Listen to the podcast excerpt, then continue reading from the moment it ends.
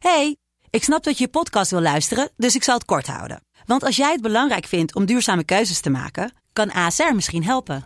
Nou hoor ik je denken, hoe dan? Nou, bijvoorbeeld bij het duurzaam herstellen van schade. Of de premies die we beleggen volgens ons duurzaam beleggingsbeleid. Dat bepaalt waar we wel en juist niet in investeren. Wil je meer weten over welke duurzame keuzes ASR maakt? Ga dan naar asr.nl slash duurzame keuzes. ASR doet het. Zo, dan kan je nu lekker naar je podcast luisteren. Hey, ik snap dat je je podcast wil luisteren, dus ik zal het kort houden. Want als jij het belangrijk vindt om duurzame keuzes te maken, kan ASR misschien helpen. Nou hoor ik je denken, hoe dan? Nou, bijvoorbeeld bij het duurzaam herstellen van schade. Of de premies die we beleggen volgens ons duurzaam beleggingsbeleid. Dat bepaalt waar we wel en juist niet in investeren. Wil je meer weten over welke duurzame keuzes ASR maakt? Ga dan naar asr.nl slash duurzame keuzes. ASR doet het.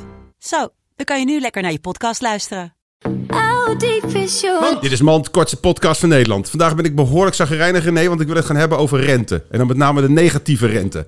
Wat de fuck is het zo dat als je boven de 100.000 euro hebt, en sommige mensen hebben dat nou eenmaal, moet je godverdomme gaan betalen? Ik vind het he- echt enorm. Nou. Ik, mijn medelijden met jou is eh, heel hoog. Nee, maar negatieve rente, hoe kan dat? Omdat ze bij de Europese Centrale Bank... Ja, flikker toch op met dat kutverhaal. Je gaat toch niet je geld aan iemand geven en dan moet je nog betalen ook? Wat is dit voor waanzin? Want